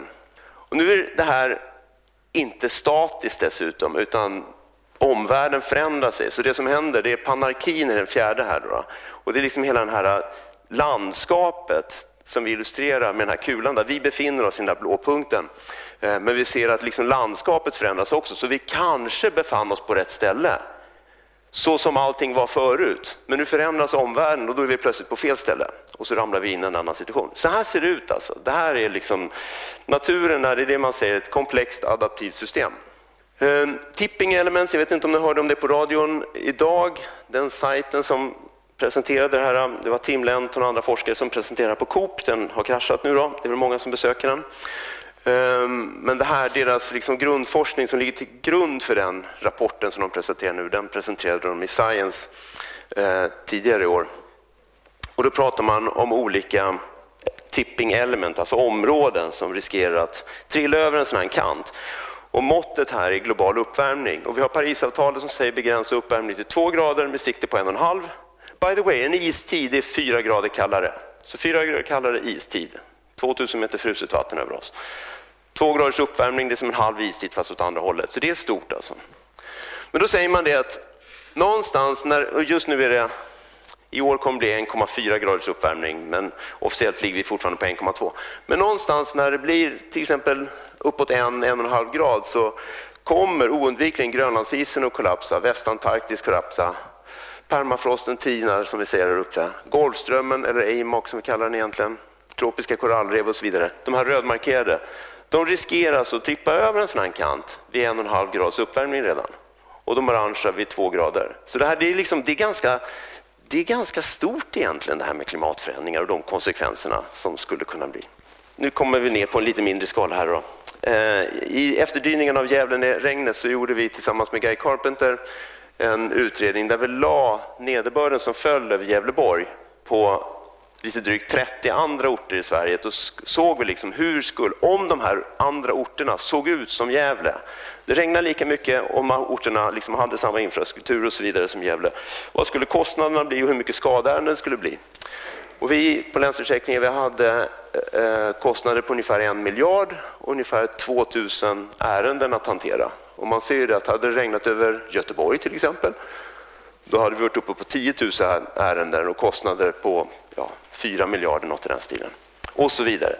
Och det var ju liksom bara att det föll just över Gävle, det var inget unikt med Gävle i det sammanhanget. Det där regnet kan falla precis var som helst i Sverige i princip. Då. Så vi ser, vi har väldigt stora risker som vi måste hantera på ett eller annat sätt. Och nu går det också att liksom vetenskapligt klarlägga om den här nederbörden eller den här stormen och så vidare i princip är orsakad av oss människor eller om det bara var slumpen. För jag menar, det har ju hänt översvämningar och värmeböljor och sånt där tidigare också, men nu kan man liksom peka på det med någonting som kallas för weather attribution. Så här, om man tar temperaturen till exempel, jag ska bara visa hur, hur långt utanför vi är det som är att betrakta som normalt. Då. Så om vi tar norra halvklotet, temperaturerna sommartid. Och så har vi någon slags referens då, och här har vi valt 1951 till 1980. Så säger vi att det var normalt klimat och så har det blivit lite drygt en grad varmare sedan dess. Eh, men om vi gör en normalfördelningskurva över den situationen, då alltså på 50, 60 och 70-talet, sommartid, en tredjedel av dagarna är kalla sommardagar, varma, eh, eller normala respektive varma. Här är en extremt varm sommardag och en extremt kall sommardag, som det var på 50, 60 och 70-talet. Det brukar vara midsommar här nere. Men det är 0,1 procents sannolikhet att de här extrema tre standardavvikelser ska inträffa. Nu har det blivit lite varmare, så om vi tar den här eh, senaste 11-årsperioden och tittar på hur temperaturen ser ut och lägger in den i samma graf så får vi, liksom, det är inte bara det att det blivit en grad varmare, vi har fått en extrem förskjutning åt det varma hållet. Så det här som tidigare var så extremt varmt så att det bara inträffade en promille av tillfällena, det inträffar nu 26 procent av tiden, norra halvklotet sommartid. Det är därför vi ser sådana här extrema värmeböljor som vi har haft. Alltså det, det, är liksom fler än hundra gånger så sannolikt att det ska bli extremvarmt. Och det som är ex, extremt varmt nu, 6-7 standardavvikelser bort, det är där de här svarta svanarna börjar dyka upp. Sådana saker som aldrig har inträffat i mänsklighetens historia tidigare. Och det här är bara temperaturen då. Och ser man på hur det ser ut just nu så tycker vi att ja, det är vinter och kallt ute. Det här är eh, oktober i år jämför, över hela jorden. Och ni ser här uppe i oktober så var det kallt, just över Skandinavien. Resten, överallt annars, är det som ni ser skalan här nere, ett par, två, tre, fyra, upp till 10 grader varmare.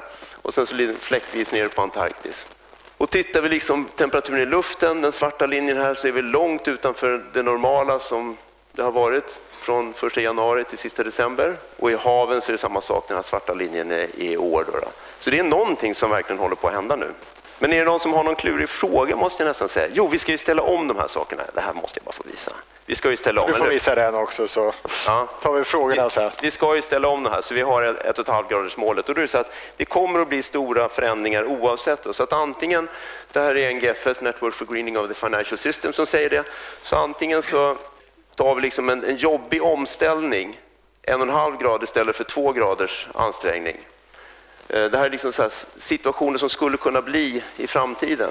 Det mest effektiva är att bara minska low demand helt enkelt, att inte använda så otroligt mycket energi, att inte elda så mycket olja, kol och naturgas och inte hugga ner så mycket skogar och så vidare. Men vi har inte, det, är inte riktigt det vi människor gör. Så vi är lite laid back och vi skjuter här på framtiden. Här har vi fördröjd omställning. Då ser vi då att ja visst, till slut så blir det jättejobbigt att göra omställningen och vi får stora risker. Och här borta så har vi liksom existentiella risker när vi pratar om en uppvärmning på kanske tre grader, något i den stilen. Det är ett reellt hot alltså för mänskligheten och i synnerhet människor som bor där det blir extremt varmt, i Mellanöstern till exempel. Och som följd av det så ser vi folkförflyttningar. Och där är jag personligen liksom lite oroad, för vi människor vi är inte riktigt jättebra på att hantera sådana här situationer. Det, risken är uppenbar att någon rullar ut taggtråden och säger ni är inte välkomna här. Så de problemen står vi inför. eh, med jättestora fysiska risker. Och det smartaste är att göra de här sakerna i tid, men vi kommer förmodligen liksom inte att göra det här vägvalet i tid, för vi är lite, lite för lata vi människor. Men stora förändringar blir det, antingen med omställning och med fysiska risker. Nu tog du bort den bild jag tänkte ställa en fråga kring, men vad, vad skulle du själv säga är det mest sannolika då? Ja, här uppe, för lite för sent. För lite för sent helt enkelt. Men det är scenarier. Vi kan fatta beslut om att göra någonting annat. Men tittar man på hur, hur det går nere, alltså det kommer vara massor med löften där nere i, i Förenade Arabemiraten eh, med vad vi ska göra och att vi ska begränsa uppvärmningen och si och så. Men vi ska samtidigt gräva upp mer olja. Okej? Okay? Det går liksom inte ihop. Det, det är liksom fysikaliskt omöjligt att fortsätta oljeutvinningen på den. Vi ökar utsläppen, nu senast med en eller två procent. Vi ska minska med 20 procent per år kommande tioårsperiod för att klara Parisavtalet. Men istället så ökar vi. Och så hävdar nationen att vi gör det här billigare. Vi, gör det här, vi har fossilfri oljeutvinning som man säger i Saudiarabien och Norge. Okej, okay. för att ni har vindkraftverk på oljeplattformarna så har ni fossilfri oljeutvinning. Men oljan som ni gräver upp då? Akkurat, det är inte vårt problem. Det är ni i Sverige som eldar upp oljan. Det är ert problem. Och så säger vi att vi ska kompensera det här, eller vi har en massa tekniska CCS som vi ska... Så CCS, jättefin, det är bara det att kapaciteten är skalan promille. Det måste skalas upp tusen gånger för att det ska liksom bli någonting av det där. Vi är, inte, vi är inte där ännu. Så tyvärr så är det så att det kommer bli jättestora förändringar. Det kommer bli mycket mer frekvent extremväder. Det extrema kommer bli extremare och vanliga sådana här Gudrunstormar eller Gävleregn de kommer bli vanligare. Istället för att vara ett tusenårsregn som det var förut. Gävle-situationen var ett tusenårsregn. Nu är det ett hundraårsregn. I en två grader varmare värld så kommer det vara tio års regn. Alltså det inträffar var tionde år. Vi rör oss åt det hållet, jag är ledsen. Det känns ju inte helt uppmuntrande. Och, jag önskar jag kunde stå och säga att om ni bara käkar lite mer morötter och drar ut laddaren ur jacket eller något sånt, men det, det funkar inte så. Det krävs otroligt mycket mer. Tack Martin. Och då är det dags för Staffan att komma upp på scen. Och Staffan Moberg är jobbar på Svensk Försäkring och jobbar med klimatfrågor. Den första frågan jag tänkte ställa är, känns lite futtig i det här sammanhanget, men Staffan, vad kan egentligen enskilda försäkringsbolag göra för, eh, när det gäller klimatanpassning? Ja, men det, det, är viktigt att vi är med i det här. Vi kan ge väldigt viktiga signaler till våra försäkringstagare och det ska vi självklart ta tillfället i akt att göra, tycker jag.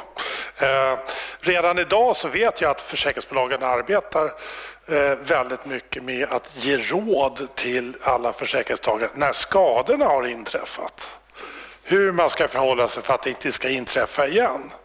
Men allra bäst är att det inte inträffar från första början. Man kan ju också arbeta då med att påverka i tidigare skede att man börjar eh, vidta åtgärder.